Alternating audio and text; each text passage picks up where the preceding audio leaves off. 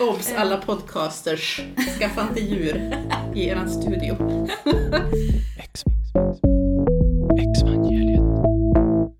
Jesus lever. Dina synder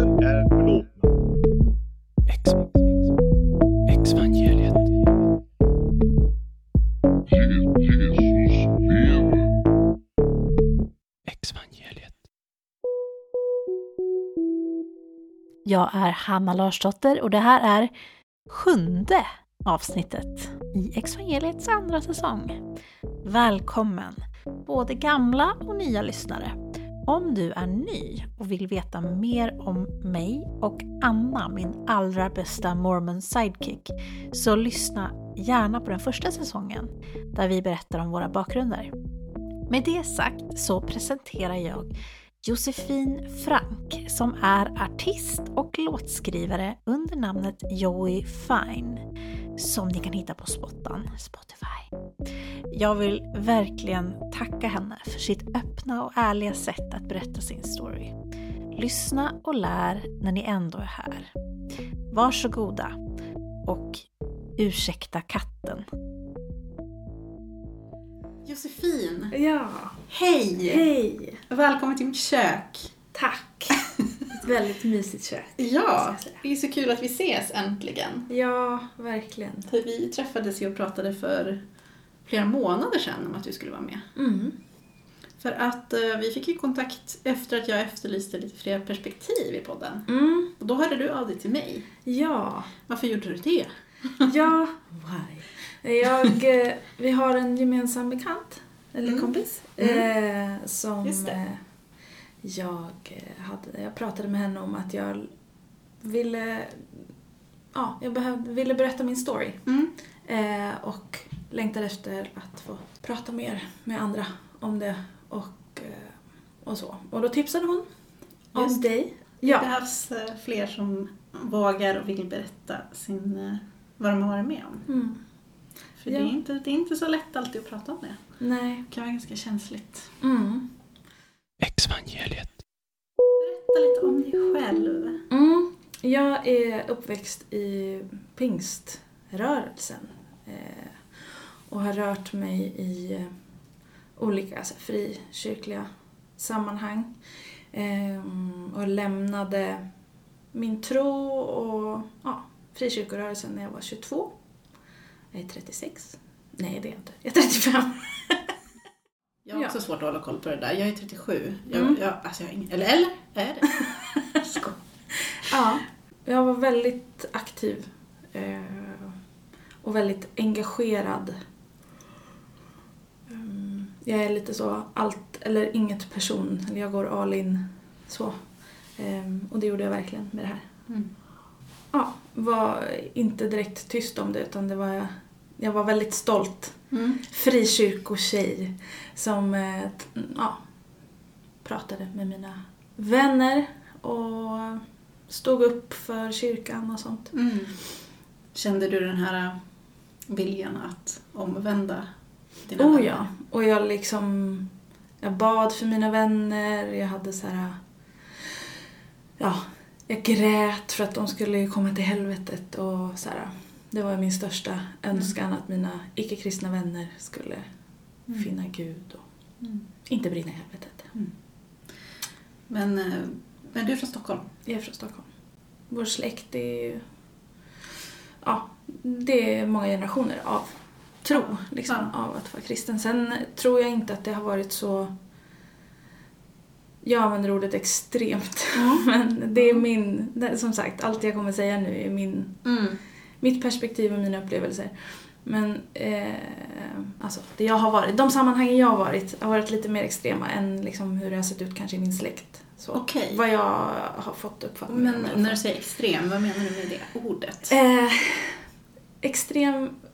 Jag sk- kanske ska säga mera att det är, har varit mer framgångsteologiskt, auktoritärt. Eh, väldigt mycket att man ska jobba på sin tro. Det är väldigt, man ska lägga ner mycket tid på att eh, jobba med sig själv och akta sig för världen. Mm.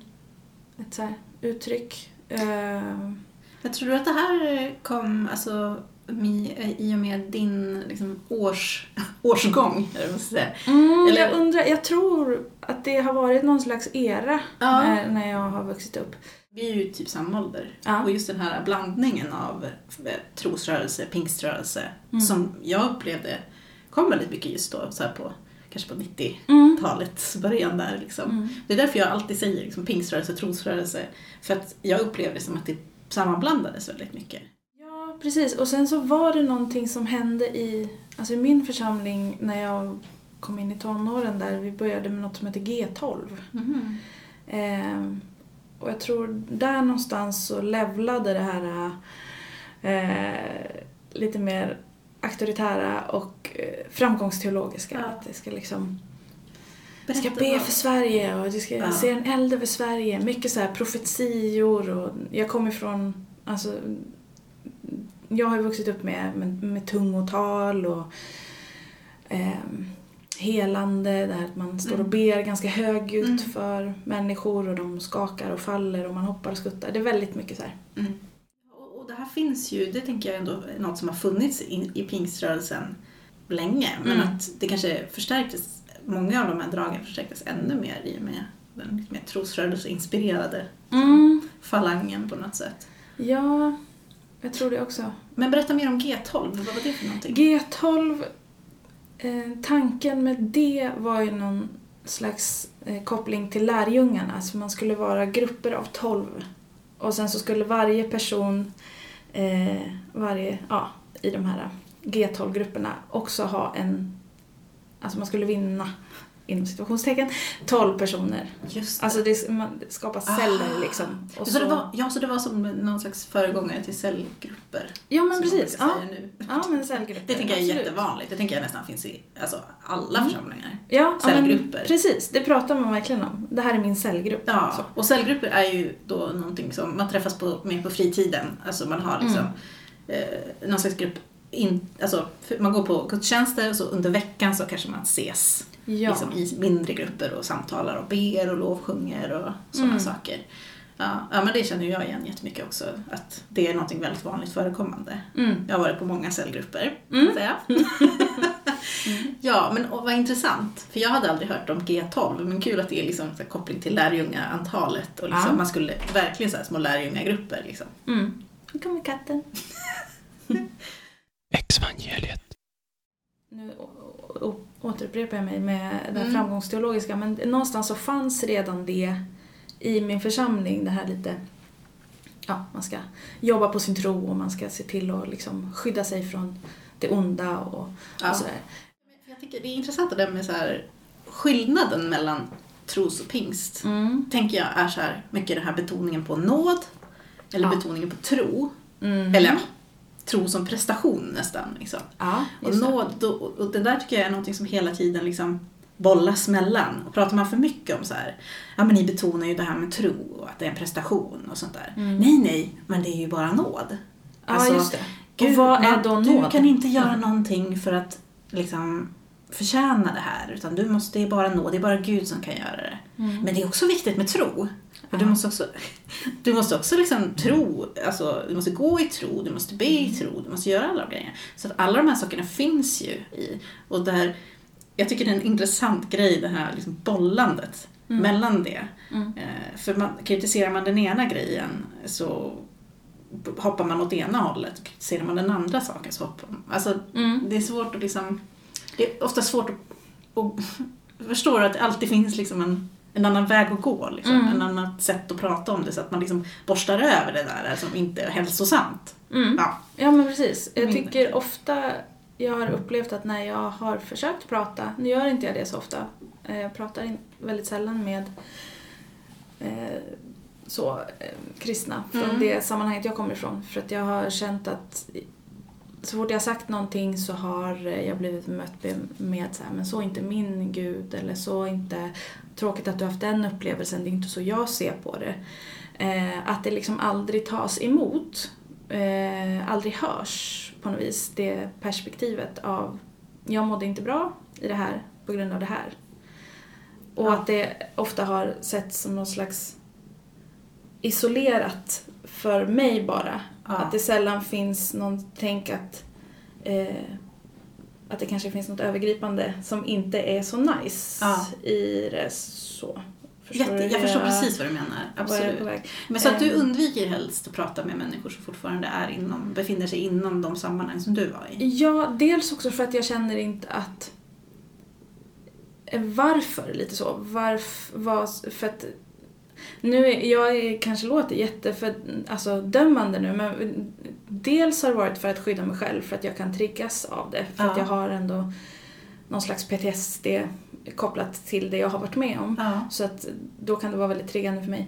Men eh, också för att jag inte känner att det går inte att, jag har inte upplevt i alla fall att det går att prata så djupt Ja. och specifikt, eh, eller ifrågasätta så med personer som fortfarande är aktiva i rörelsen. Jag förstår. Ehm, Ja, det är en jätteviktig poäng du tar upp där. För jag tror att det är jätte, jättebra att, eh, att du säger det. mm. För att jag tror att det är ett problem som många känner Mm. igen sig i. Jag kan också känna igen mig i det. Nu har ju jag, försöker jag närma mig folk Ja. eh, inom alla grenar sådär. Alltså, men det, det är också, jag har ju liksom, jag känner mig ganska trygg i, Mm. i, i det. Och, men jag kan också triggas igång extremt mycket av sånt bemötande. Mm. Men jag tror att det är jätteviktigt att förstå att lämna sin tro är någonting vanligt. Mm. Alltså det, det är inte ett isolerat fenomen. Nej. Och det finns ofta en föreställning inom eh, tron då, eh, kanske speciellt inom just sådana rörelser där vi har varit med i, att det finns den här tanken om att ja, men det, de, har varit, de har haft en dålig upplevelse av Gud eller de har haft en dålig upplevelse av församlingen eller vad det nu kan vara. Mm. Och det behöver ju absolut inte vara så. Det Nej. kan ju bara vara så att liksom, jag, liksom, jag vill inte vara med i kyrkan och jag har hittat ett bra liv utanför. Mm. Men, man, men så fort man säger det så blir det ju, en, det blir ju, det blir ju liksom farligt. Mm. Alltså kommer du och säger så så blir det ju så här, nej nej men liksom, du är bara ett isolerat fall. Ja, exakt. Och det, det, någonstans så önskar jag att det inte skulle vara så. Hej katten! Hon vill Vänta. verkligen vara med. Vänta, jag måste... Exvangeliet. Även om jag då skulle välja att lämna min tro så kanske för de som fortfarande är i det jag vet inte, jag har, ju, jag har ju en föreställning om att det inte är så hälsosamt men det kanske skulle bli mer hälsosamt för de som ändå vill vara i det och ha sin tro utan att Ja, få trauma. Nu pratar Ja. jag verkligen utifrån min upplevelse. Men, men, det är helt eh, okej. Alltså, din upplevelse är ju också jätteviktig. Alltså, det, det är ju inte bara för att du berättar din upplevelse behöver inte betyda så här, jag har alla rätt, jag Nej, har sanningen. det har jag verkligen Det är bara inte. så här, Mm. jag har upplevt det här och det är jobbigt. Mm. Och jag har en önskan om att få prata om det. Eh, så att jag försöker, ja. Mm. Eh, sen har jag ju människor runt omkring mig som jag älskar, som är, som är i rörelsen på olika sätt. Så att, eh, ja. Men hur Mm. tänker du så här, om du skulle prata och berätta för en liksom, fortfarande troende person om dina upplevelser, hur skulle Mm. du vilja bli bemött då? Att, att bli tagen på allvar, att inte se det som att oj, ja det var en dålig ledare, vad synd att du fick möta den. Eller för så är inte min, liksom, det är inte så jag ser på Gud. Eller, eh, att, att inte se det som isolerade fall som inte har något med varandra att göra utan snarare titta på så här, vad är det i våran framtoning eller hur, hur, hur, vi, hur vi förmedlar vårt budskap. Är det någonting i det som vi behöver titta på som faktiskt kan vara skadligt? Behöver vi liksom... Alltså jag, någon slags själv... Ja, Eh, vad ska man säga? Att utvärdera Ja, kanske sig ja. själva Absolut. och hur... Alltså ta det på allvar. Ja. Och särskilt tänka de som jobbar med barn och ungdomar i sådana här sammanhang. Alltså som är så... Barn och ungdomar som eh, ser upp till de här ledarna och tar det som sägs kanske för sanning. Eh, som, I alla fall som jag gjorde. Ja. Eh, och det finns, har ju alltid varit någon slags eh, tanke om att, eller budskap om att man ska lyssna på sina ledare, man ska inte ifrågasätta sina pastorer, man ska, alltså, och då blir det svårt att göra det, särskilt som barn och tonåring så, eh, och ung vuxen, för att man någonstans är det lite fel att ifrågasätta sina ledare som är utvalda av Gud. Och jag tänker att man liksom kan titta på så här, okej men hur pratar vi då? Hur kan vi skapa, hur kan vi ha den här församlingen Hur kan vi förmedla det här budskapet på ett hälsosamt sätt? Ja. Eh, vågar vi öppna för eh, kritiska tankar eller liksom tvivel så? Vågar vi ha liksom öppna konversationer? Och om vi inte vågar det, varför inte då? Det, det hade varit bra för mig. Oavsett om jag hade lämnat tron eller inte till slut, så hade, när jag började, liksom, ja, när min lämnarresa började, så mådde jag så fruktansvärt dåligt och, och hade så mycket liksom, tankar och funderingar och oro och vad det nu allt var. Den tiden är lite luddig för mig. Ja. Men som jag försökte förmedla och prata med mina ledare om. Mm. Men jag blev bemött med liksom, ja fast nu ska vi inte, du vet, oj oj, nu ska vi inte tappa tron här. Nu, så, att det liksom fanns Mm. någon så här hit men inte längre. Vi kan prata så här eh, hit men inte längre. För Nej. då, då är vi ute på hal is och nu ska du hålla i din tro. Och att det liksom som att tron blev någonting som, det är så skört så att du får inte liksom knacka för mycket på det här äggskalet för att då, oj oj oj, då kommer Mm. du bli frestad och du kommer då kommer djävulen eh, komma hit och då kommer du falla. Liksom. Så det, just den där att det någonstans en, en rädsla för att det ska krackelera. Mm. Att det här frestelsen och liksom mörkret är så starkt Mm. på något vis. Så att om du knackar för mycket, då slukas du av det här. Ja, det har varit responsen jag har fått. Ja. Och rädslan jag också haft. Jag har haft Mm. en enorm rädsla för mörker. För demoner, för, liksom, för djävulen. På något sätt så har det, där jag har varit, har det likställts. Typ så här, djävulens makt och Guds makt på något vis. Att det är så här att de krigar hela tiden. En så här dualistisk syn. Ehm, ja, Och då det är ett det hot liksom liksom, som att- som du måste skydda Ja. dig ifrån. Världen. Skydda dig Exakt. från världen. Du Och kyrkan och i världen, då blir det liksom Gud, djävulen, kyrkan, världen. Mm. Det blir liksom samma i motsättning där på Mm. något sätt. Nej, men jag tycker det där är superintressant och det är också något som har kommit upp under våra tidigare programavsnitt. Att, jag har ju liksom en önskan om att kyrkor skulle våga ta i de här frågorna liksom, på ett tidigare... Eh, liksom, ett, eh, jag menar att, att inte vara rädd för att prata om Tänk om jag håller på att tappa tron nu kanske. Mm, Eh, att inte säga åh nej, nej men det får inte hända. Och det är det värsta som kan hända. Du måste ju Utan be om liksom- beskydd Ja. Du är. Precis. Och nej och nej och nej, nu blir det fara och färde liksom. Mm. Utan bara så här, okej. Liksom, då pratar vi om det här. Ja. Vad har du för funderingar, vad har du för tankar? Mm. Eh, liksom, och, och våga se den här människan som en människa och Mm. inte som någon som håller på att falla utifrån ett stup. Precis. För det, det är inte så farligt. Nej. Och jag uppskattar ju så mycket människor som har varit med i podden som har liksom varit öppna för en sån typ av kyrka. Mm. Som kan vara liksom, se, till, se till hela människan och inte bara det här liksom extremt andliga. Så Mm. Det blir ju en förandling på något sätt. Liksom att, förandling, men att, Jo, men ja. att liksom så här, bara, man ser bara mörker och ljus. Liksom. Ja, ja. Men vi har ju pratat om det också, att liksom, människan är ju en hel varelse. Du, kan inte, liksom, du behöver inte sätta mörker och ljus emot varandra. Nej. Ett tvivel, som jag inte gillar egentligen. ja, det triggar mig. Ja. Men liksom tankar på eh, tro, tror jag inte, vad tror jag på? Vill jag tro så här eller vill jag ändra min tro? Mm. Kanske, det kan ju vara någonting väldigt sunt. Jag tänker att det är någonting väldigt sunt. Mm. Men när man gör det till någonting osunt så, Ja. så det kan bli jättefarligt. Ja, och det är där det här maktmissbruket kommer in, tänker jag. Mm. Eh, att det blir någon slags kontroll, räds, alltså man kontrollerar sina, de som kommer till församlingarna, ungdomarna, barnen, vuxna, alla, att liksom, du får ifrågasätta hit men inte längre. Ja. Eh, och utanför det så, mm, sorry. Ja, och jag tänker också att, att det är ett ansvar för som kyrkan borde ha. Att se till att även om du nu eh, lämnar din Mm. religiösa tro så ska du ändå kunna må bra som person. Mm. Alltså du ska inte bara, nej men nu har du lämnat, då får du klara dig själv. Mm. Alltså, eller så kommer du tillbaka. Alltså antingen klarar du dig själv eller så kommer du tillbaka. Utan att, okej vi respekterar att du liksom, då, då kan vi hjälpa dig liksom att hantera de här jobbiga känslorna Mm. nu när du lämnar. För att man lämnas ju själv till, man lämnas ju till sig själv. Ja. Man är ju bara ensam i det här och lever med skam och skuld och allt sånt där. Mm. Och kanske till och med rädsla för helvetet, för djävulen, Mm. för alla de här sakerna. Man hamnar utanför beskyddet, eller vad är det du Ja. brukar säga? ja, man hamnar utanför beskyddet. Ja, vad, vad, Eh, betyder det att hamna utanför beskyddet? Att vara utanför Guds beskydd.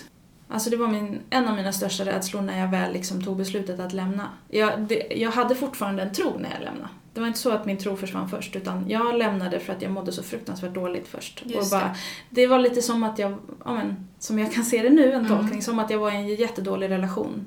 Eller så. Mm. Att jag, jag älskade fortfarande Jesus, Gud. Ja. Eh, men jag kunde inte vara kvar för att jag mådde så dåligt. Mm.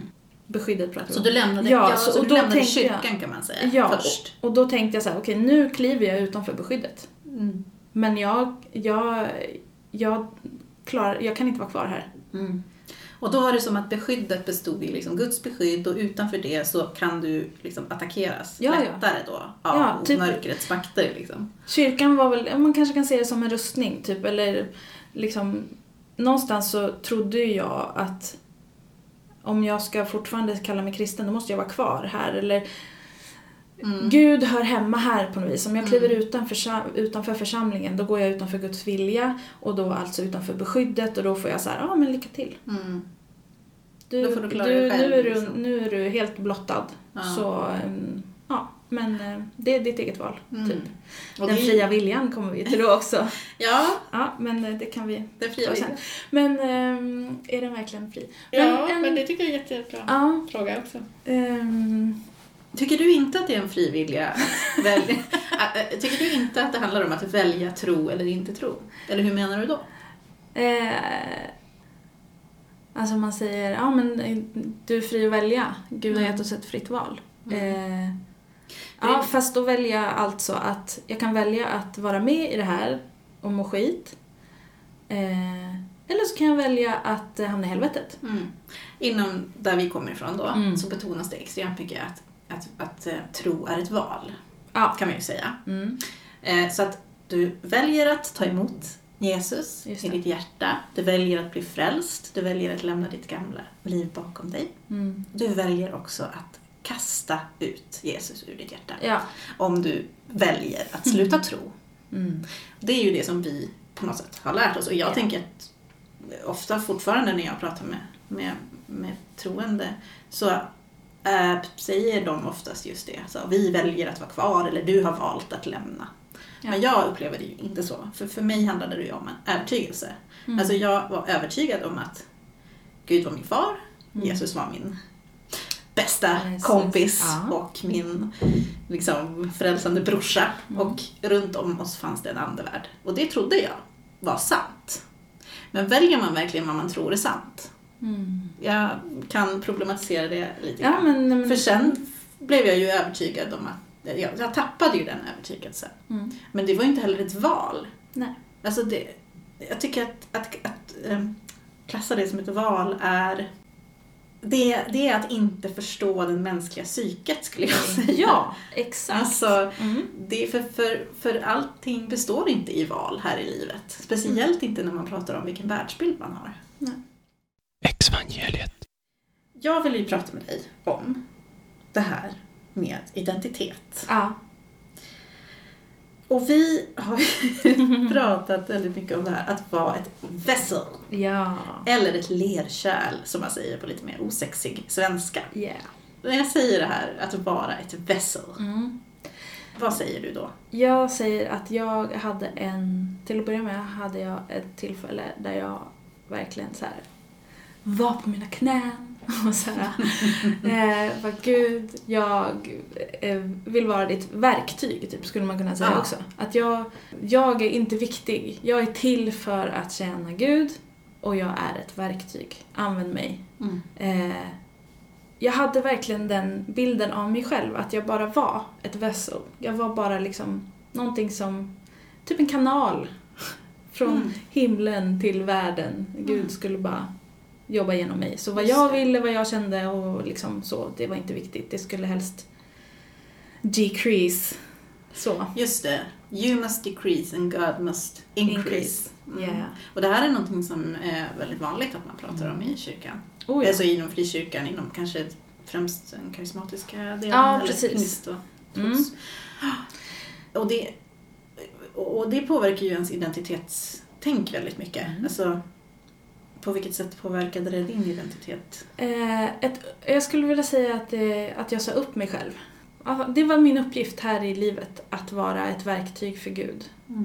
Och för mig innebar det bland annat att jag skulle, alltså med min musik, jag är sångerska och musiker. Och jag hade fått en gåva av Gud som skulle användas för honom och det var liksom min enda uppgift. Eh, och då blev ju alla, alla val i livet, alla liksom saker som jag längtade efter eller drömde om, det, det fick jag liksom trycka undan. Eh, och det var hela tiden en, så här, en osäkerhet i vad vill Gud? Och hur ska jag göra? Ska jag, ska jag söka till den här skolan? Eller ska jag, eh, vad vill Gud för mitt liv? För att det var så farligt att lyssna på sin egen vilja och sina egna känslor. Mm. Det finns något så här, någonting som florerade, ett så uttryck att eh, Gud samverkar med vår vilja är en. Och sen, men att, in, att man inte ska lyssna så mycket på sina känslor. Mhm. Och för mig var det en konstant konflikt. För att hur ska jag veta vad jag vill om jag inte känner efter?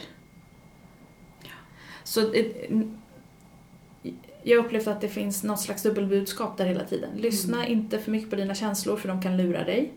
Men Gud samverkar med din vilja. Mm.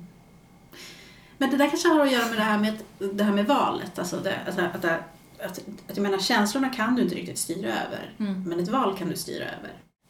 På samma sätt som att du väljer att tro, så kan du välja att gå en viss väg. Alltså du, Mm. kan, du kan samverka din, din, det här... Eh, jag vill ju göra det som Gud vill. Mm. Och, och Gud vill ju förmodligen att jag ska typ gå ut och missionera, till Mm. exempel. Ja. Alltså kan jag välja att gå ut och missionera och då har Gud samverkat med mitt val.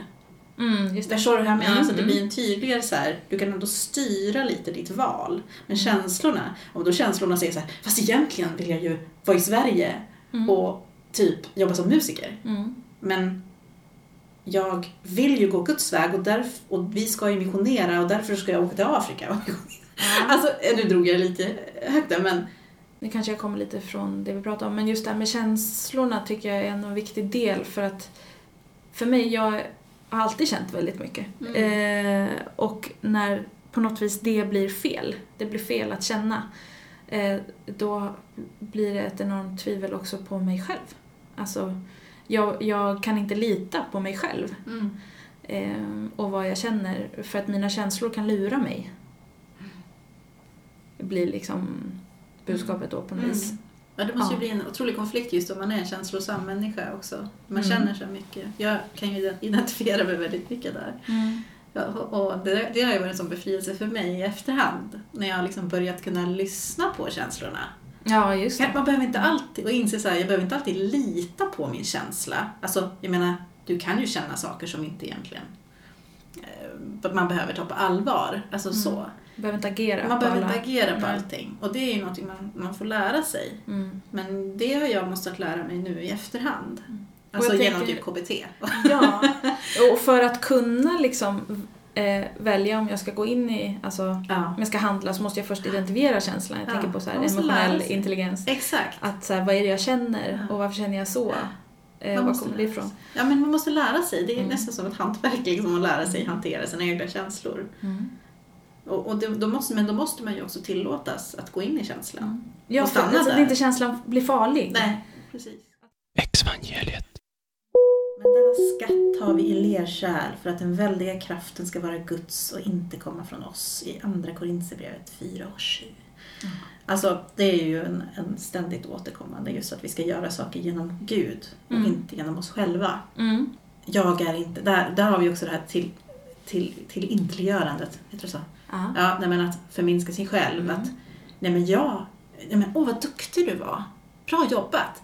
Jag har inte gjort någonting. Det var bara Gud. Just det. Ja, ja, visst.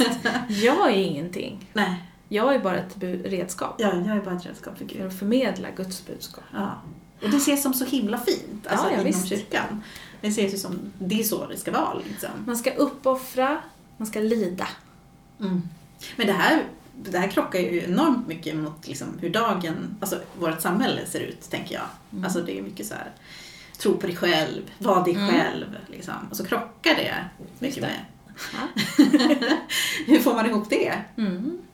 Det blir en väldigt krock det är där. det Jag, jag kan tänka på det ofta när jag lyssnar på predikningar och sånt där. Liksom att det finns en så här, å ena sidan så är det liksom så här, sträck på dig, du är bra. Mm. Liksom, var dig själv, ha personlighet. Och sen så är det liksom, men du måste, du kan inte göra någonting i egen kraft utan du måste göra det genom Gud, Guds kraft. Liksom.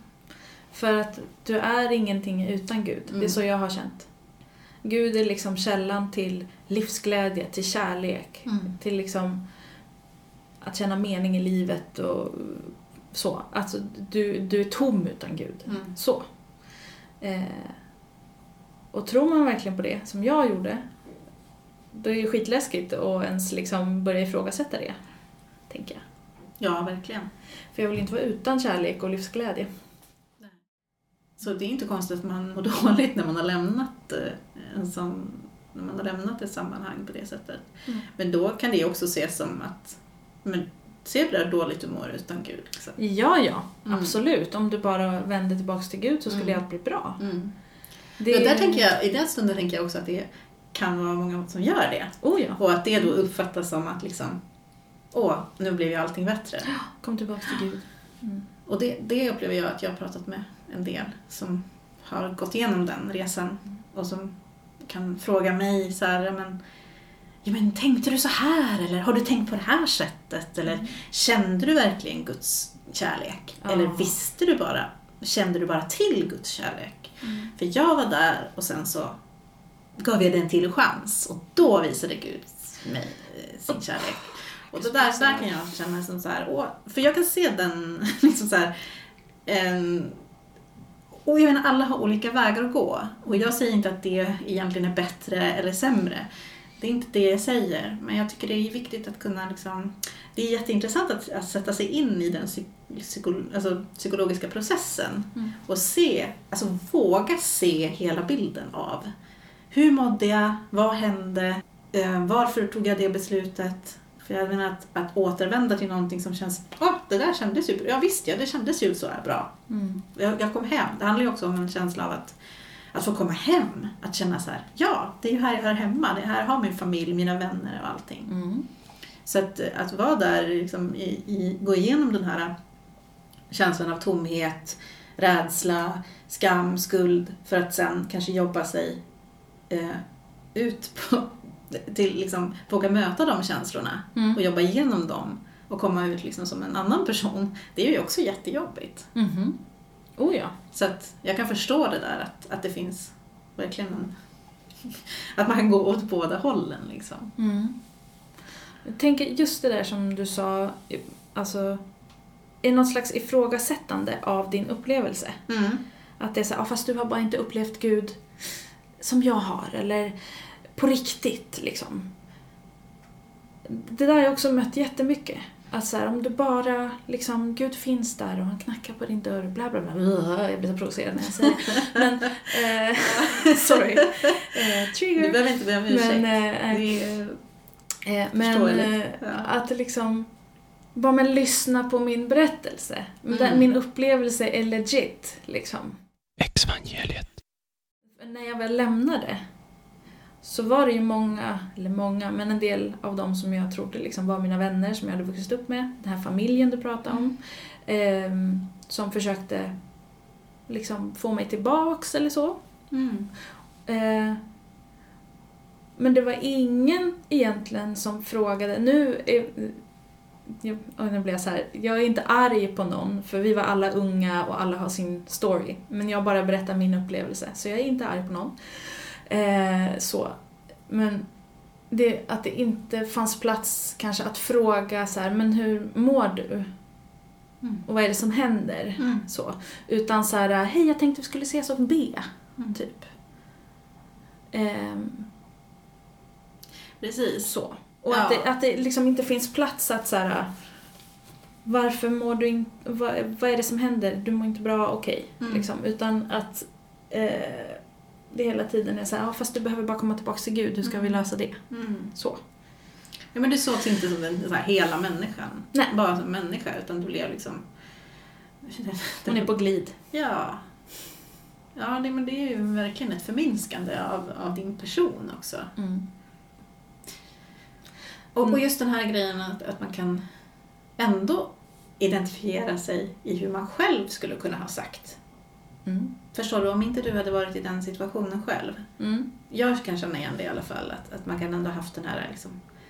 Mm, ja, men man kan leva sig in i hur, hur de ser på, såg Mm. på dig. Mm. Att nej, men du behöver ju bara liksom Mm. möta Gud igen. Åh nej, åh nej, hon håller på att tappa sin tro. Vi måste Precis. göra någonting åt det här. Gud, Ja. rädda henne. Liksom. Ja, ja. Att man ändå kan förstå den. Förstår Mm. hur jag tänker. Oh, man, ja. man har den här insikten i liksom både att vara, att vara den här personen som vill be för en, men också det här liksom när man själv är där i att nej, men jag vill inte bli bemött på det sättet. Nej. Jag har haft en, en liksom, jag har gått igenom någonting här. Mm. Eh, och jag brukar säga det att det ger oss, vi som har varit med om det, även om man inte har velat gå igenom det, så ger det ju oss ändå en insikt i hur det kan vara, alltså att ha den typen av mindset. Jo, att, att tänka att Gud är lösningen. Ja. Liksom. Det är bara att, du behöver uppleva Guds kärlek Mm. så kommer allt bli bra. Mm. Och i och med det här vill vi ju inte säga heller att så här tänker alla kristna. Alltså det är nej, nej, det här inte är... så. Ja. Utan det här är ju som också. Ja. specifika egna upplevelser som just utifrån kanske de rörelser vi har varit med i. Och Men i det att samtidigt, att det, ja, att det är så. Det är specifika personer och sammanhang. Mm. Men också att jag hoppas någonstans att det ska öppnas en konversation Ja. inom de här rörelserna som Mm. vi nämnde lite förut. Att så här, varför är det så farligt att ifrågasätta? Exvangeliet. Jo men det finns ju eh, någonstans det här eh, om krukmakaren. Det tyckte jag var lite spännande för du jobbar ju med keramik. Ja. I Jeremia Ja. kapitel 18. ja. så pratas det om krukmakaren Mm. och att, man, att Gud på något vis, det blir någon metafor eller så för hur Gud formar oss eller så. Det är min tolkning Ja. av det här Ja. och som det har tolkats i det sammanhanget jag har varit i. Ehm, att vi formas om det inte bl- blir, om inte den här leran då blir eh, ett bra kärl så kan den formas om. Liksom. Och, eh, vi härdas i elden, den prövas, man frestas och liksom för att se att man är ett riktigt rigid, rig, vad säger man, rigid, rigid, jag kan inte ens hitta ordet. Rejält, rejält. Rejält, att vara ett rejält kärl för, för Gud, ett stabilt så, du, och att man då därför utsätts för prövningar Mm. eh, för att liksom check your sind liksom, alltså kolla eh, vart någonstans du inte är ren. Man säger så, Ja. man ska renas, man ska Mm. eh, eh, vara ett stabilt kärl. Mm. Mm. Eh, Och, och då, vad innebär det att vara ett stabilt kärl? Jo, för när du är det så kan Gud använda dig. Just det, då läcker det inte ut på en massa, Nej. du har inte en massa sprickor i kärlet och sådär utan du Så har du sprickor i kärlet, då kan vi liksom molda om dig Ja, ja. eh, genom att du check your sins. Och eh, precis. liksom, vad, vad har jag för problem här? Ja, så låter du liksom Gud, du går igenom alla de här jobbiga liksom, prövningarna och allting Mm. och så kan du liksom moldas om till ett kärl som inte har några sprickor så du kan hålla Guds tanke och kraft i dig. Mm. Så därför blir det, det här lidandet, Ja. och det jag vill komma till också, att det är någon slags konstant lidande. Man ska Ja. liksom, precis som Jesus dog för oss och Mm. led för oss så måste vi lida också. Hur lider vi då? Eh, genom att vara i, till exempel då i den här världen där det är så mycket frestelser, du ska Mm. stå emot det och därför måste du liksom hålla dig i din cellgrupp. Så här, vi måste ses ganska ofta Just och gå det. liksom till församlingen och omge dig med människor som bygger upp din tro, Mm. in, inte liksom frestar ut ett annat håll. Eh, så, för att du inte ska krackelera, för att du ska klara den här prövningen. Mm. Liksom. Så, och, då, och där kan man vrida så himla lätt. Alltså att, ja men nu, nu dog någon här i min familj. Mm. Ja, vad finns det för mening med det? Alltså måste, måste man hitta en mening med det? Mm. Eh, ja, men nu går jag igenom lidande för att jag ska kunna komma ut starkare på andra sidan. Och det, menar, det är ju någonting som absolut, jag tror absolut att man kan att, att sådana jobbiga tider kan göra att man måste komma igenom dem och komma ut som en starkare person. Mm. Alltså, absolut. Men det är ju kanske en vanlig psykologisk liksom, process som vi människor går igenom. Det behöver ju inte ha någonting med att göra med att meningen med att din liksom, bror dog var Mm. för att du skulle komma närmare Gud. Nej, precis. Alltså det, det, behöver inte, det behöver inte finnas den meningen i det. Nej. Jag menar, idag kan ju jag se på, på sådana jobbiga händelser som att, ja men, shit happens. Mm. Livet kan suga ibland. Mm. Eh, jag måste komma mig vidare för att jag vill fortsätta leva. Mm. Jag vill fortsätta liksom finnas till för de andra i min familj som finns här. Mm. Jag vill fortsätta liksom, eh, skapa mening i mitt eget liv. Ja. Men just det här att, att det, är en sån, det är en sån smal förklaring. Att man inte tillåts att ha en bredare syn på, på, på livets mening, om man vill Mm. säga. Mm, precis. Eh, För när meningen bara blir att du ska komma närmare Gud, du ska komma närmare Gud. Mm. Liksom. Du ska göra Guds eh, tanke. Ja, för de, här, för de här skatterna i himlen som kommer sen. Mm. Att vi ska, jag tänker att hel, själva jordelivet på något vis är en prövning Mm. i sig. Absolut. För att, du ska, li- liksom för att du ska få de här skatterna i himlen sen. Mm. Vad är de här skatterna Ja, i himlen exakt. egentligen? Kan man få någon liten pik liksom som man vet vad man väntar på? Gator av guld. Att liksom få vara i Guds närvaro. Jag vet inte. Ja, Men... ehm, vi ska väl lovsjunga Gud i en evighet där uppe i Ja, himlen tror jag. hoppas man får sova ibland. Nej, förlåt, nu ska jag inte. Eh, Vi hade ett avsnitt om, eh, om Knutby för några veckor sedan. Där pratade vi om det här med att gå hem. Alltså det fanns, det fanns ett uttryck där mm. eh, i Knutby, att eh, man skulle gå hem. Alltså som sen förklarades med liksom de här, alla de här dödsfallen som hände och så. Flytta hem till Herren. Precis, Mm. och jag eh, pratade om det, att, att det är någonting också som, som vi som är ganska naturligt. Att, alltså en tanke på att, att vi ska hem till Gud. Mm, Att det. vi ska, det här är inte våran, vårt riktiga hem. Det. Jorden är bara en tillfällig plats. Mm. Jag är blott- en gäst och är främling. Mm. Typ. Det där liksom. Mm. Eh, Det är någonting som ja, men kanske både du och jag har vuxit upp med. Oh ja. Och att det, det för, för, för oss, när vi hör om de här grejerna som har hänt, hänt, hänt i Knutby, och det är intressant med de här olika termerna som kommer upp, olika sätt att prata på, liksom, att man bara åh, det är så bekant. Mhm. Ja, och jag tänker där också med när, när du, prat, du pratade om innan, Mm. med när folk går bort och så. Mm. Att det, ibland så kan folk ha sagt då att ja, men det var hans tid att flytta hem till Herren. Mm. Och på något vis tänker jag att det kanske, kan ju också förminska personen som sörjer, alltså förminska den, dens sorg. Mm. Att den inte får känna sin sorg. Att vara arg och ledsen, allting som sorg kan innebära. För att, ja men han flyttade ju bara hem till Herren.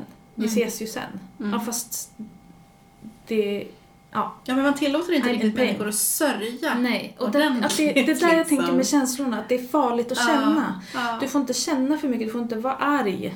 Du får inte liksom gå in i det här för Mm. mycket för då kan du falla från tron. Det finns någon slags, i alla fall där jag kommer ifrån, Mm. det är bara det jag pratar utifrån, att det finns någon slags rädsla konstant för att hamna, att falla från sin tro. Mm. Ja, precis, för att om du då eh, går in för mycket i den här sorgen över en person så kanske den gör att du tappar tron på Gud. Mm. Att du blir bitter. Ja, Liksom, Oh, du blir- det där ja. ordet är en liten trigger. Ja, precis. Men, och det behöver ju absolut inte vara så. Jag menar, det är ju jätteviktigt för en människa att kunna få sörja Ja. ordentligt. Och jag kan tänka att det är någonting som den typen av religion som säger att man har liksom ett, efter, efter, en, ett efterliv Mm. ett, ett liv som kommer fortsätta tillåter ju inte riktigt en sån typ av sorgeprocess. Så att, Nej. så menar, alltså, hur som helst måste du ju hantera att personen har försvunnit. Mm. Så är det ju. Ja. Eh, Och samtidigt vet jag ju också vilken otrolig tröst Mm. det kan vara för en person som har, kanske har en sund, sund tro Mm. och som verkligen eh, kanske har då eh, förlorat Kanske inte ens träffat sina föräldrar, alltså eh, kanske liksom förlorat sin pappa eh, Mm. liksom, innan man ens var född eller någonting och så, åh, jag Mm. kommer få träffas sen. Absolut. Jag menar, det kan ju vara en otrolig tröst som kanske gör också att man orkar leva vidare. Så jag menar, egentligen, alltså det finns Ja, det alltid, finns det alltid all- två sidor. det Ja. Mm. finns alltid två sidor. Och jag menar, jag kan ju tycka att det vore bättre att människor får sörja liksom fullt ut Mm. som sörjande människor. Liksom. Ja, och jag tänker, måste det ena utesluta det andra? Om man kan få ha den här Mm. känslan av att ah, men vi kommer ses igen, vad skönt. Mm. Men att det är eh, freaking painful nu, och det är okej. Det kanske finns i liksom en sundare tro, tänker Mm. jag. Men, Jag men, det. att, ja, men det tror jag absolut. Mm. Mm. Att, men, och vi pratar ju kanske främst om just det här, de sammanhang där man verkligen Liksom, man fokuserar inte alls på, på det utan det ska direkt liksom, så sopas, un, sopas Mm. undan och liksom bara ha, och så kommer de här klyschorna liksom så här, åh han är på en bättre plats, Ja, eh, var kommer att träffas tid. sen igen Mm. och alla de där grejerna Mm. som jag kan tycka är... Ja, idag kan jag ju känna liksom att jag kan ha så väldigt svårt för dem, Mm. sådana uttryck. Liksom. Mm. Att nej, vi kommer inte det, men det är okej. liksom. att, att man kan säga så också. Men vad hemskt. Nej, men alltså så. Liksom. För det har jag ju känt liksom nu ja, men på senare tid att just att kunna njuta av, av det liv vi har. Ja, exakt. Att vara i nuet ja. är ju, eh, det är ju en lyx. ja, verkligen. Att få leva sitt liv Ja. fullt ut. Och att inte ha den här tanken om att min enda mening här är att omvända andra människor för att vi ska kunna fortsätta i efterlivet. Precis. Men att istället kunna få vara här och nu, tän- känna, tänka, vad vill jag göra? Mm. Hur vill jag tänka? Hur vill jag leva? Vilka människor vill jag ha runt mig? Ja, Måste jag uppoffra hela mig själv för att rädda alla andra människor? precis. Jo, det är det finaste du kan göra. Mm. Jag kan säga så här, jag tycker faktiskt inte det. Nej. liksom ta på dig din egen syrgasmask innan du ska rädda alla andra. Så kan jag Mm. känna idag. Mm. Ja, att inte konstant förinta sig själv för andra. Mm. Som jag känner att jag har gjort. Mm. Men jag tänker liksom, det ligger ju på något sätt i så här kristendomens kärna, att förinta sig själv för andra. Jag menar, Ja, ja. Jesus gjorde ju det. Lidandet. Mm. Lidandet och att dö liksom för sina vänner är liksom Mm. det bästa man kan göra. Exvangeliet. Finns en kvinna som heter Marlene Winell Mm. som eh, hennes bok eh, Leaving the Fold har hjälpt mig väldigt mycket i min frigörelseprocess. Mm.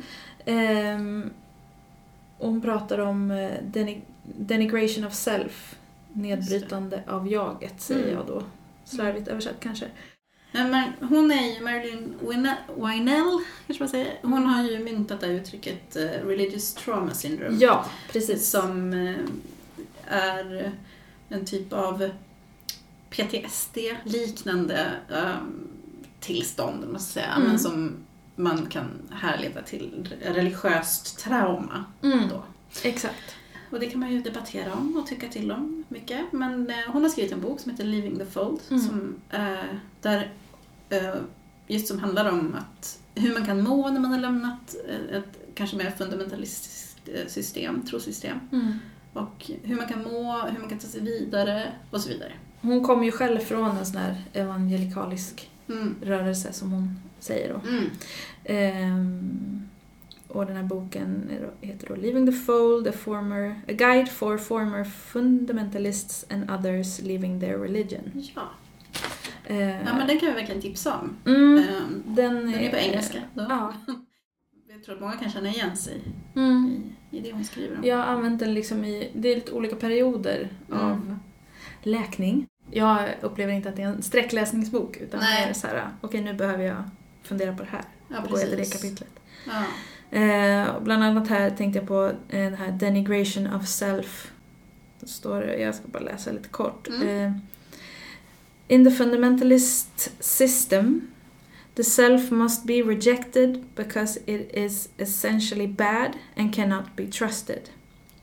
The first step in convincing new converts is to destroy their faith in themselves. Missionaries who confront other cultures begin by convincing people that they are failures and need God. Och någonstans är det det som jag har känt, Mm. det jag, där jag kommer ifrån. Mm. Eh, och liksom konsekvenserna av av det. Och hon pratar om, i, det finns på Youtube har hon en, en hel del prat och i ett av dem, jag ska försöka läsa ett citat därifrån. Mm. Eh, Då pratar hon om the guilt induction. Alltså, hur kan man översätta det? Eh, skam... Eh, Ja. kanske? You have this bloody Christ and then you tell a child that it's because of their sin. And you ask them if they- they've ever done anything wrong, ever told a lie. Of course. And here is this person suffering. And you prey on a child's best instincts, a child's sympathy for somebody's pain. That child will feel so terrible, and then you want that child to be responsible? That somebody died for all their terrible five year old sins? And then you have the fear of hellfire. You're gonna be sorry, or you will die and suffer forever. This is why it's called child abuse. Ja. Så det, hon beskriver då Mm. det här som Mm. barnmisshandel. Och där kan, det kan vara lite heavy kanske. Och du får välja om du vill ha med det här eller inte. Men, eh, men det Ja. är... Eh, för mig var det en så här, Mm. wow. Eh, för det är just runt fem års ålder i barns utveckling så börjar barn kunna se liksom lite så rätt och fel, man börjar kunna se andras perspektiv och, och liksom samvete och lite så. Nu är inte jag barnpsykolog, men eh, så, det lilla jag har läst om det. Ehm, och att det är någonstans här, beskriver Marlin Vinell då, att Mm. just runt fem års ålder sådär, att det är många som får sin typ frälsningsupplevelse när man är uppväxt i det. Mm. För att det är någonstans där som man kan börja se någon annans perspektiv. Så. Ja, jag förstår. Eh, och, och jag känner igen mig jättemycket i Mm. det här. Mm. Jag har eh, gått från att liksom ha en slags så här, ah, väldigt varm barnatro, eller vad man ska säga, och verkligen så här, åh Jesus älskar mig, jag har alltid känt mig så här, åh älskad och liksom Mm. trygg. Till någon slags konstant tacksamhetsskuld. Eh, att jag försöker på något vis, hela tiden försökt vara så bra som möjligt för Gud, vara så ren som möjligt, vara så nära som möjligt och hela tiden behövt Ja, skala bort mig själv. Mm. Ja, för att, för att eh, återbetala Mm. alltså den skulden som du har för att han dog för dig. Mm, precis. Och den skulden är liksom, jag kan inte betala den. Mm. Och någonstans så blir det, eller sättet att betala det blir att säga upp mig själv. Så var det för mig, Mm. ska jag säga, igen då. Ehm, jag, var ett, jag var ett stolt vessel. Tills jag då kom i perioder av väldigt mycket ångest Mm. och eh, ja, men psykisk ohälsa. Eh, och kände mig väldigt långt ifrån det här äh, friden och att vara upprymd av kärlek och eh, eufori. Liksom. Eh, och då tänkte jag hela tiden att jag var under attack. Liksom, jag måste, liksom, nu har jag synd i mitt hjärta eller nu är det, jag har oförlåtelse. Det här är saker då som mina ledare har sagt till mig eh, när jag har försökt prata om det. Att så här, ah, vi måste hitta vad det är som gör att du inte känner dig nära Gud. Så, så det är alltid någonting, har alltid varit någonting i mig själv som inte är tillräckligt för att jag ska känna Guds kärlek när jag inte har gjort det. Exvangeliet. Efter gymnasiet så åkte jag och en kompis till eh, USA. Jag hade velat åka dit jättelänge. Det var en jätte, så här, häftig grej för mig att få åka till USA. Och vi åkte till New York bland annat, var där en sväng och sen så var vi eh, i Michigan. Eh, och där bodde vi hos en... Eh, hon jag åkte med hade varit i USA tidigare som utbytesstudent och eh, bott i en familj eh, som vi då skulle besöka. För mig var det mest så här att jag ville bara till USA. Jag hade inte liksom någon annan så här, ja visst, nice att vi kan bo hos dem. Det jag fick veta var att han var liksom, han ansågs vara profet. Och att vara profet, Han vi skulle bo hos. han vi skulle bo hos, och den, den, i den familjen, så mannen var då profet. Eh, och att vara profet var inget konstigt i det sammanhanget jag kom ifrån. Och det innebär att vara profet är att man kan prata över folks liv, Ja, ja precis. Se När Gud framtiden. ger budskap sådär. höra Gud liksom Mm. extra tydligt kanske. Ja. Det var ofta prat om det. att- Mm. olika gåvor sådär. Mm. Eh, och han hade då profetians gåva. Den perioden, eh, det var väl totalt tre månader ungefär som vi var i USA. Kanske två och en halv hos dem. Alltså jag hade väl haft en ganska tuff period i slutet på gymnasiet där. Och kom då till den här, eh, i det här sammanhanget med den här profeten som, eh, eller han utgav sig för att vara profet. Och jag kände på något vis att han kommer se rakt igenom mig. Jag typ kände, jag var så fylld av skam redan för att jag hade, ja men, varit tonåring och eh, liksom hade haft det ganska tufft. Så. Mm. Ehm, Du kände att du skulle det. kunna bli liksom avslöjad på något sätt? då? Ja, precis. ja. Som att så här, ja men Gud vet ju vad jag tänker, Mm. Gud vet var jag bor. Ja men du vet, hela den sången. Och då tänkte jag så här, om han är så nära Gud då kommer han bara se rakt igenom mig hur himla smutsig jag är. Mm. Så. så jag var, jag var rädd för att träffa honom liksom, redan innan allting satte igång. Någonstans, det började liksom på en gång. Han satte någon slags standard, eller så här, vad ska man säga, någon slags startpunkt. Att Ja. så här, det här, den här tiden du är här, det kommer vara liksom du kommer få jobba mycket med dig själv, Gud kommer göra mycket i dig. Typ, jag, I can see, du vet, så här, Han profeterade. han profeterade från Mm. start. Eh, om saker som han såg i mitt liv, som Mm. skulle hända. Vad Gud skulle använda mig till. Mm. Sådär. Eh, och det började med, alltså jag, han profeterade nästan varje dag. Han kunde komma in på morgonen så här i våra rum och bara I feel strongly on my heart that God is telling you to bla bla bla bla bla. Sådär.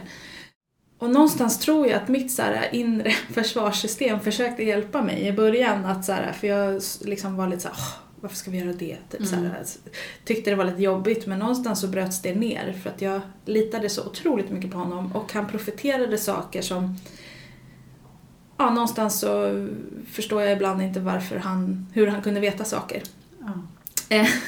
Eh, men saker som jag hade drömt om då. Så. Mm. Det kan låta fjantigt nu men bara för att så här, få någon slags bild så drömde jag om, ju om att bli artist och liksom, det är inte fjantigt måste jag bara säga men att liksom stå framför Ja. många och liksom Ja. ha den här, äh, släppa skivor och Ja, stå på scen. Ja, det var min, min artistdröm så.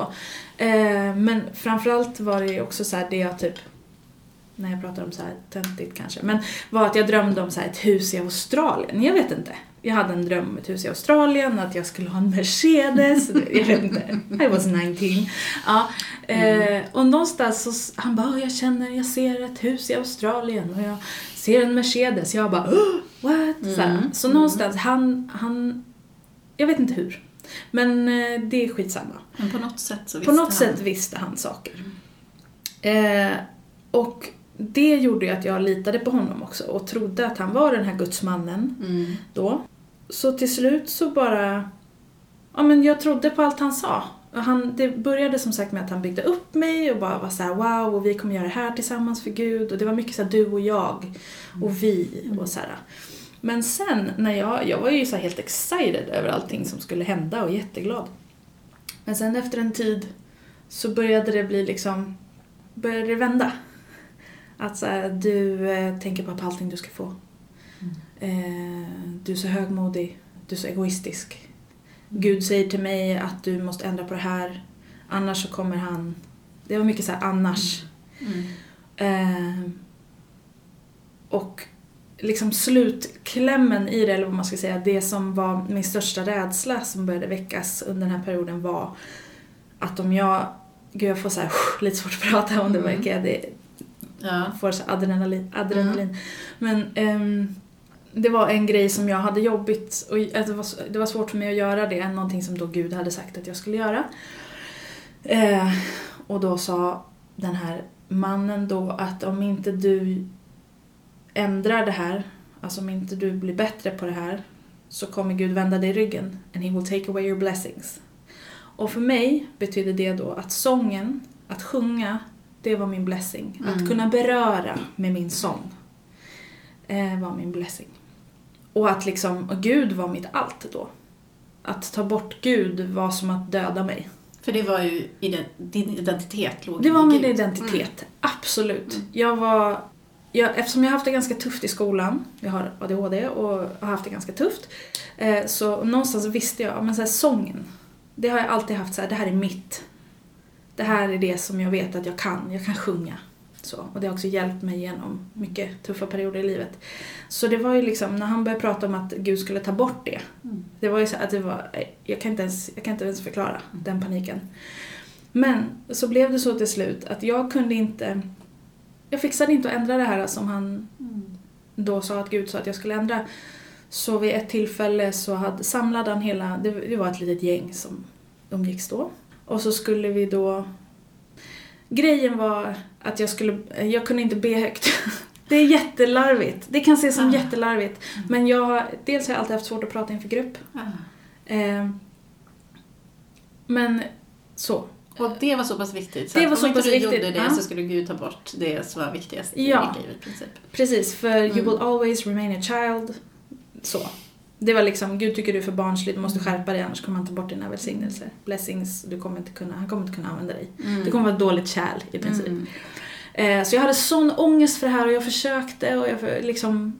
Jag, och jag, och det kan låta så banalt idag. Mm. Alltså varför blev det en så stor grej? Men då var det det. Det, det blev jätteviktigt. Mm. Så, han samlade hela det här gänget då, som vi umgicks med. Eh, och sa att nu ska vi be högt. Och jag så kände i liksom... Jag bara, det här, nu är det min sista chans. Mm. Jag kände det på något Mm. vis. Och det blev så här, ja man bad en efter en och så när det kom till mig så bara, alltså jag, det bara slöt sig. Jag kunde inte Mm. säga ett ord. Mm. Inte ett ord. Så till slut så tar jag den personen som är efter mig vid. Och sen när det är klart så... Ja, men så här, jag tittar på honom. Han sliter sin tröja och så här, det rinner tårar från honom. Och han säger, ja nu Jossan det är... Typ, jag kan inte prata med dig längre. Jag kan, alltså han kunde inte profetera, profetera längre. Du, eh, you will always remain a child. Eh, God will dust you off his feet. Um, typ, Wow. we're, we're done. Mm. Såhär. Och då får jag tänka att jag var 19. Jag hade liksom ingen i mitt, såhär, ingen familj, ingenting. Mm. I liksom, Mm. Du var ensam där. ingen, ingen trygghet liksom runt omkring. Han Mm. var... Han skulle då representera någon slags ansvarig vuxen i mitt sammanhang. Eh, eh, och jag tror ju på det här. Mm. Jag tror att, för då har han liksom brutit ner mig så mentalt så att jag har inga, alltså mina liksom, mina skydd är borta. Mm. Eh, så jag tror att Gud har vänt mig ryggen och att Mm. jag inte kommer kunna sjunga. Eh, eller jag kommer inte kunna beröra med min Mm. sång. Mm. Vilket var så här, varför ska jag leva? Liksom. Eh, Han tog bort din liksom, Han tog bort- livsmening. ja, precis. Ja. Ja. Min livskraft bara Mm. så bort. Ehm, så, och så säger han, och jag bara bryter ihop där på plats inför Mm. alla liksom, och det är helt knäpptyst. Jag förstår, alltså någonstans var ju alla under hans liksom Mm. våld, om man ska säga. Och han säger, gå upp på ditt rum och sörj. Mm. Sitt inte här, gå upp på ditt rum och sörj. Så jag lämnar gruppen och går upp på rummet och bara är helt förkrossad och bara ber Gud om en andra chans. Mm. Eh, ja, long story short. Det här, jag vet inte hur länge jag är i det här rummet. För det här, allt det här är väldigt luddigt för mig. Och det känns lite som att det är en annan person jag pratar om. Mm. För det är så märkligt alltihop. Men, eh, ja. Han, nå, vid något tillfälle kommer han och en till person in i rummet och så sätter sig med mig på golvet, för jag är på golvet. Eh, och bara så här, ja, typ tittar på mig med lite så sorgsna ögon, typ, och stackars förlorade människa. Eh, så bara, men vi älskar dig. Eh, det här betyder bara att så här, jag inte kan liksom profetera eller så här, jag kan inte ha liksom den relationen som vi har haft och så här, men liksom det är klart vi älskar dig och så här, du får fortfarande vara här och så här, jag bara okej tack. Alltså jag var så, Ja. jag var så i, på botten. Och så desperat vid den här situationen, eller då liksom. Mm. Eh, Så jag tog vad jag fick Mm. liksom. Eh, Eller vad man ska säga. Så jag var okej, ja men det var bra. Så här, och, Eh, ja, det är något tillfälle också, jag vet inte om det är innan, ordningen är lite luddig för mig, Mm. men som jag... Jag skrev faktiskt avskedsbrev till människor för att ja, Mm. jag ville hoppa. Så här. Mm. För att det var så. Mm. Alltså, he killed me. Så. Vad skulle jag leva för? Mm. Så. Wow. Eh, jag hade planerat att jag skulle hoppa ut genom fönstret. Ja. Literally. Eh, Men det sjuka är då att han kommer in någonstans här i rummet och säger att jag har hört från båda håll att du är självmordsbenägen och då menar han från djävulen och Gud. Mm. Eh, Så att jag vill att du kommer ut härifrån och eh, liksom dricker, tar ett glas vatten eller så här, kom ut härifrån. Och Det här, det här är jättekonstigt för mig att prata om också märker jag nu. Det är så, här, det är så sjukt. Det, jag vet inte hur lång tid det går i alla fall. Eh, Jag ringer hem någon gång under det här och kan inte förklara. Jag kan inte säga varför. Jag är, för jag bryter ihop så fort jag hör mammas röst. Mm. Eh, och hon frågar ju vad det är som har hänt. Men jag kan inte säga. Mm. Eh, för att jag har så mycket skam. Jag har ju förstört allting. Det är mitt fel allting. Så jag bara säger att jag har hemlängtan. Jag vill hem. Så jag, hon bara, men kom hem då. Liksom. Mm. Så ja, jag bokar om mitt flyg och ska åka hem några dagar senare. Men så av någon anledning så får han till sig, han får till sig att det han har gjort är fel. Okej. Vilket han kommer och säger till mig. Så bara, "Ja, Jossan jag har hört härifrån bla bla bla att eh, det jag gjorde, det jag sa inte var rätt. Så jag blev lurad av djävulen. Eh, så förlåt, säger de. Och jag bara, någonstans är det så här, det är sån chock för mig att han Alltså allt det här är bara sån chock. Så att alltså, allting har tagits ifrån mig och sen kommer det plötsligt tillbaka. Så jag bara säger ja det är klart jag förlåter dig. Oj, oj, så här, wow. Alltså jag måste ändå säga, jag vet inte om den här personen kommer liksom, hon är amerikan så jag kan, hon kanske Mm. inte kommer höra det här. Men den personen som sa till honom att det här var fel var en kvinna som jag hade träffat en gång. Mm. Och hon hade sagt till honom att om du inte berättar för henne att det här är fel så kommer det förstöra hennes liv. Mm. Och någonstans tänker jag så här, det var alltså att hon typ räddade mig där. Mm. Eh, för att jag vet inte om han hade gjort det annars. Ja. Det var så en människa som hade sagt det här. Men han la fram, han sa också att hon hade pratat Ja. med honom. Mm. Men någonstans är det ju också, han, han, han drar ju ändå till andevärlden. Alltså i, Mm. jag har hört det här från, också från Gud, från djävulen. Djävulen har lurat mig. Ja, precis. Förlåt Mm. för att djävulen har lurat mig. Precis. I princip. Så han tog ju inte heller på sig ansvaret själv Nej. riktigt. Nej. Inte alls. Exvangeliet. Men du tog dig i alla fall hem efter det här. Jag tog mig hem till slut. Ehm, och sen så började jag efter ett tag på Livets Ords bibelskola. Ja. Yeah. Varför, hur blev det så då efter den här upplevelsen att du Alltså jag hade att ju gå där? varit i... Jag hade hängt på Livets Ord en del i tonåren så där jag hade åkt på de har så ungdomskonferenser Mm. och det var väldigt häftigt att vara Mm. på Livets Ord då. Eh, jag tyckte det var väldigt Mm. läckert. Med.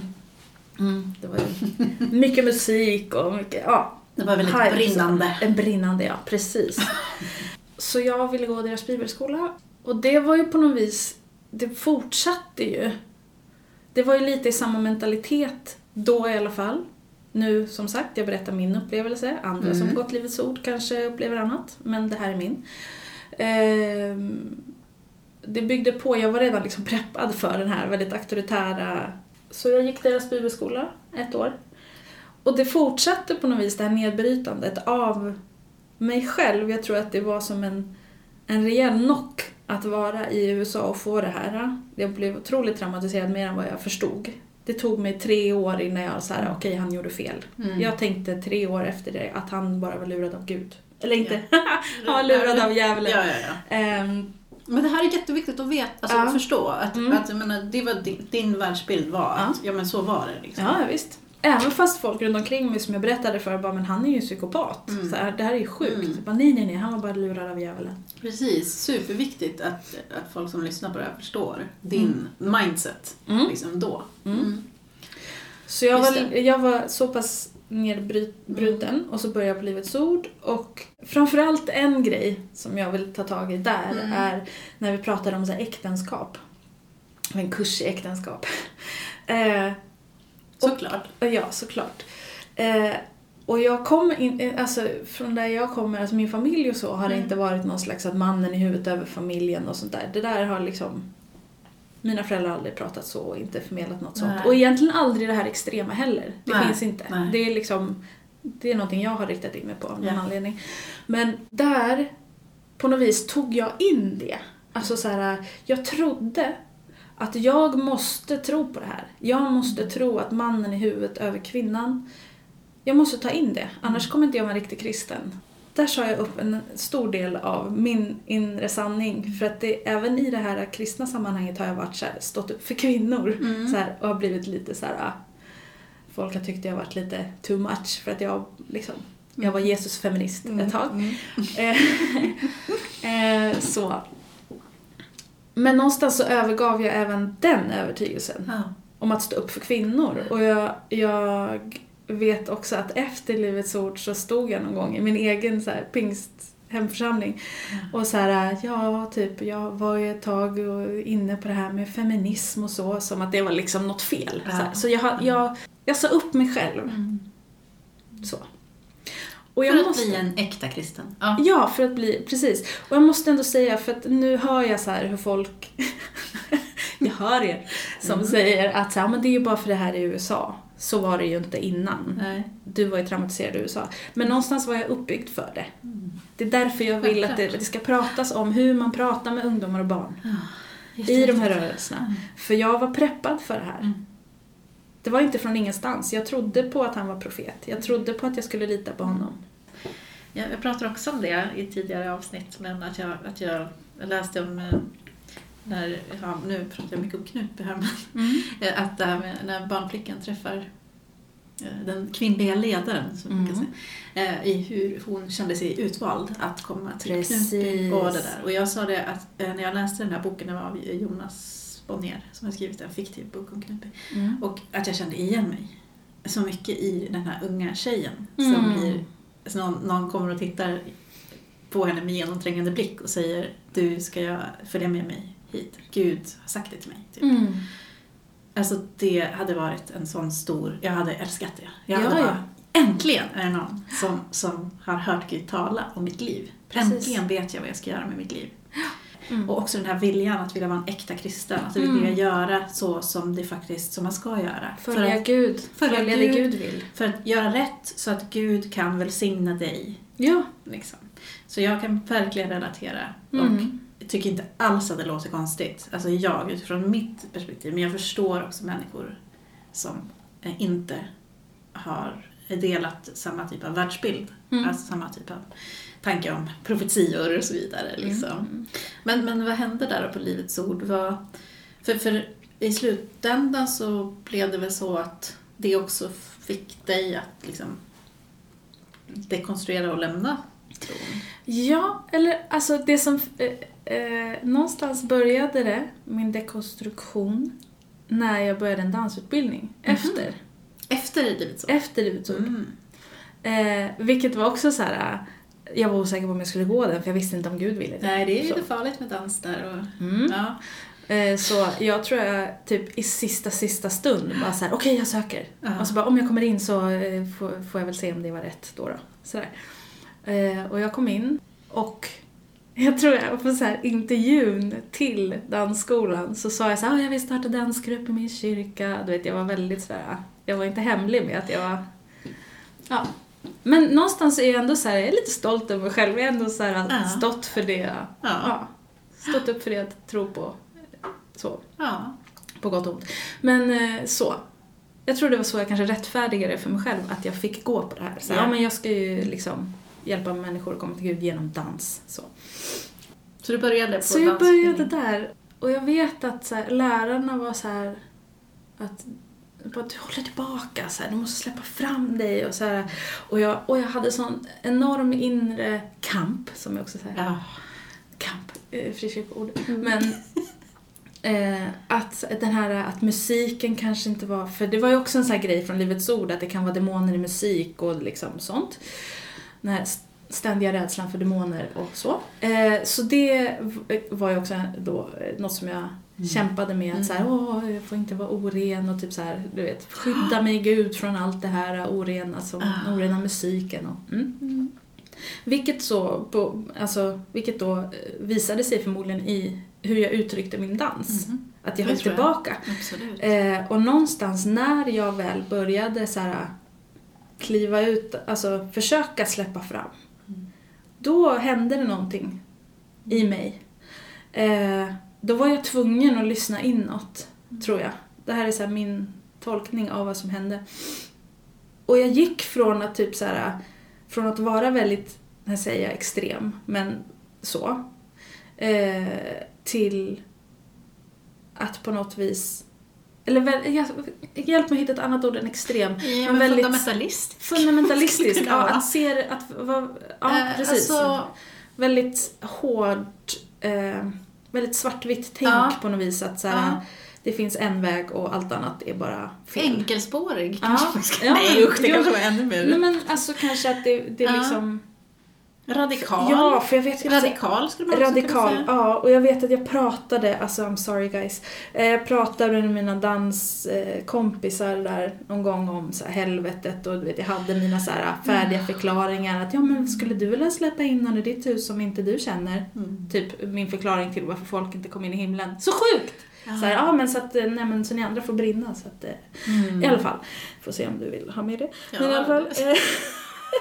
Nej men alltså jag, jag måste säga, jag, återigen, Ja. jag känner igen mig. Ja. Alltså jag har pratat, jag har sagt så mycket saker. Ja. An- Anna, vår, mormon, jag Anna som brukar vara med, hon brukar ju säga så här, att, ja, men prata om någon t-shirt stod så här, I'm sorry for what I said when I was Mormon. Och det, och det är ju verkligen någonting som vi också skulle kunna alltså, Sorry for what menar- I said when I was evangelical. Ja, eh, Yeah. sorry what, for what I said when I was frikyrklig. Ja, frikyrklig. Whatever. Men hur som helst, Ehm. så att jag förstår. Mm. Och jag tror att det är så många som lyssnar på det här som också kan känna igen sig väldigt mycket. Mm. Och det är så viktigt att få höra Mm. människor Ja, som bra. vågar berätta om det.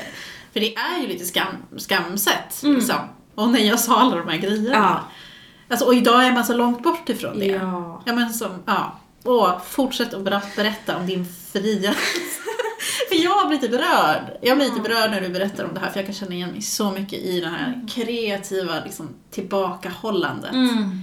Alltså det här, åh, men vem är du? Liksom, vi vill se dig. Vad vill du säga? Vad vill du göra? Hur vill du uttrycka dig? Ja. Och så har man hela tiden det här som håller tillbaka en. Mm. Som liksom ligger på ett, som ett lock. Ja, ja. Så jag kan Visst. verkligen känna igen det. Och det är så sorgligt för att jag kan sörja över den. Alltså att, att inte ha fått uttrycka mig Mm. på mitt sätt. Utan alltid haft så här. Men vad vill Gud? Ja. Har jag gjort något fel? Liksom? Mm. Är det här orent? Är det här liksom si och så? Det, jag är så tacksam för att jag inte känner så idag. Ja. Jag med... Nästan såhär, halleluja. Så, så, vad- så Ja. du började liksom uttrycka dig lite mer Ja. och då släppte Det- liksom någonting? Ja, och när jag väl började öppna upp här, den liksom, det hårda, eller vad man ska säga, Mm. eh, så började det förändras lite hur jag såg på liksom kyrkan eller på, på Jesus och på typ, ja men på kärleksbudskapet sådär att jag Kärleksbudskapet, did I just say that? Oh my god. Oh yeah. Men alltså att det liksom... ja, men det, man kan att det- tolka att det finns ett kärleksbudskap där. Jo men det var så det som hände, att jag tänkte Ja. så här, kyrkan har fattat fel, tänkte jag ett tag. Jag bara, det handlar ju bara om kärlek, typ. Mm. Och jag bara, Jesus skulle säkert gått längst fram i Pride-paraden och så här, ja, alla har fattat fel. Men, Ja. men någonstans så höll inte det för mig, för jag, jag var tvungen att lämna allt. Ja. Ehm, för någonstans så hade jag inte något sammanhang där det heller, där man pratade så tror jag. Ja. Alltså, det var så långt ifrån det jag hade vuxit upp med och allting som jag... Mm. Jag vet inte, det är svårt att förklara varför Mm. det blev som det blev. Men, eh, ja, men om vi säger så här. jag gick från att liksom se, att ha den här, ja men det handlar bara om kärlek, till att bara känna att jag kan inte vara i det här sammanhanget jag är. Eh, så jag var tvungen att lämna min församling. Jag, Mm. jag, var, jag försökte, försökte vara där. Eh, men det på något vis, det gick inte ihop längre med hur det kändes på insidan för mig. Men jag kunde inte prata med någon om det heller. Så fort jag försökte prata med någon om hur jag kände och tänkte så möttes jag bara av så här, ah, ja, liksom, Mm. oj, oj, oj. Nu ska vi inte, så. Det är det här jag, det vi Ja. pratar om. Ja. Att så här, oj, oj, nu är du ute på glid. Du får Mm. ifrågasätta men inte Mm. bara till den här gränsen. Så. Eh, och sen är den här tiden fortfarande ganska luddig för mig. För att det var så turbulent. Mm. Men sista gången jag var i min kyrka så fick jag liksom... Jag bröt ihop och fick gå därifrån. Jag kunde inte vara klar, kvar under eh, lovsången. Mm. Det var, någon, det var så mycket som hände i mig då så jag var tvungen att gå därifrån och sen så eh, behövde jag ta ett, så här, ett beslut för min egen del. Så jag skrev ur mig församlingen. Jag Mm. gick upp på kontoret och bara såhär, jag vill gå ur församlingen. Mm. Och de försök, försökte så här, men vill du prata med pastorn? Och jag bara nej. Så här, jag vill inte vara med mer. Och jag vet att jag så här, jag kliver ur eh, kyrkan och så här, tittar upp mot himlen Mm. och bara så här, jag älskar dig, men jag kan inte vara kvar. Mm. Och där började ju en enorm identitetskris. För mig. Och jag ifrågasatte allt. Tycker jag så här för att jag har lärt mig att tycka så här? Känner jag så här? Alltså är det mina känslor eller är det liksom, vad, vad kommer det här Mm. ifrån? Tycker jag och tänker så här? Eller har jag lärt mig att tänka så här? Eh, är jag heterosexuell? Mm. Eller har jag lärt mig att vara hetero? Och alltså, bara, alltså den resan, det skakade om hela mig. Och det, de här åren har, eh, sen dess, har varit väldigt upp och ner. Mm. Eh, mycket terapi.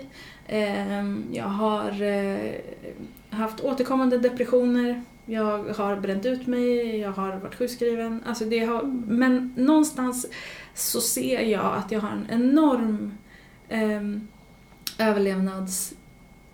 eh, överlevnadskraft. Alltså jag... Det, det kan ses utifrån som att åh, hon har det så jobbigt liksom, och hon kommer aldrig upp och lalala. Mm. Men det gör jag. Jag ställer mig upp och sen pajar jag. Men jag ställer mig upp igen och så pajar jag och så ställer jag mig upp. Och jag lär mig någonting, jag blir starkare för varje gång. Mm. Jag, och mycket har handlat om att hitta en kärlek till mig själv, att identifiera vem jag är och vad jag vill. Och våga ta beslut, för det är ju någonting som jag inte vågade förut. Jag vågade inte fatta beslut för att det kanske var fel, vad vill Gud? Ehm, att lita på mig själv. Mm. Att bygga upp mig själv. Ehm, och jag är så tacksam för de vännerna som jag har haft runt omkring mig, familj som har stöttat ehm, och att jag har haft vänner att prata med eh, som har förstått. För jag har ju vänner runt omkring mig som också har lämnat sin tro, så vi har ju haft varandra. Mm. Och vid en period så startade, startade jag en, eh, en grupp för oss som har lämnat, hette Mm. den. Och bara så här få prata med andra, Mm. precis som vi gör här, att så här få dela erfarenheter och liksom saker som kan vara svårt att prata med andra om som inte har varit i sådana här rörelser. Det kan vara svårt att förstå ehm, vilka konsekvenser det kan ha Mm. På så många plan. Så för mig har det hjälpt att prata och prata och prata. Ehm, skriva. Jag är ju musiker som sagt. Det tog han inte ifrån mig. Ehm, och, men också att så här, för mig har det varit en process att våga komma ut med min musik, att ta plats med den jag är, att låta min röst höras. Och det är också någonting som jag jobbar med nu, att försöka hjälpa andra att göra det. Mm. Exvangeliet. Ja, men superfint. Alltså.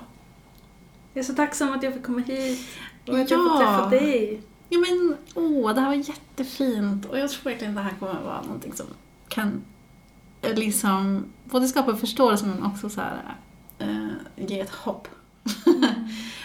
men eh, hur, hur ställer du dig till liksom existentiella frågor och så idag?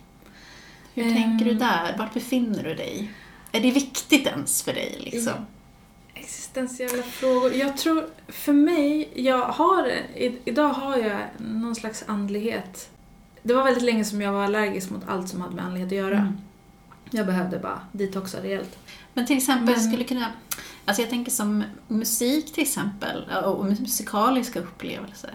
Det kan ju också vara en typ av andlighet. Alltså andlighet, jag tänker det, vi ska prata om det också i, i podden, men me- mer att, att liksom, vad är andlighet egentligen? Jag menar, Mm. på sätt och vis är det ju liksom saker som får oss att känna förundran kanske över livet, eller Ja, det få oss att njuta av saker. Mm. Jag tänker liksom att det skulle behöva breddas, tänker jag Mm. eh, för den, det pratet om liksom, vad, vad är andlighet. Kanske vad som ger en mening eller Mm. Livsglädje. Eller Livsglädje, någonting. ja, det kan jag nog relatera till. Så, så jag känner när jag får vara, när jag trivs med mig själv och det jag gör, så ge, och jag får använda mig på ett sätt där jag mår bra, i ett sam, alltså på ett sätt Eh, inte så här för att jag ska vara då ett vessel för något annat som inte alltså, alltså frikopplat från vad jag själv vill. Mm. Utan att det snarare är helt tvärtom. Att det som brinner i mig, eller det som känns starkt i mig, det som jag längtar efter, till exempel genom att alltså jag vill hjälpa människor att ta plats med sin röst eller sådär, Mm. våga.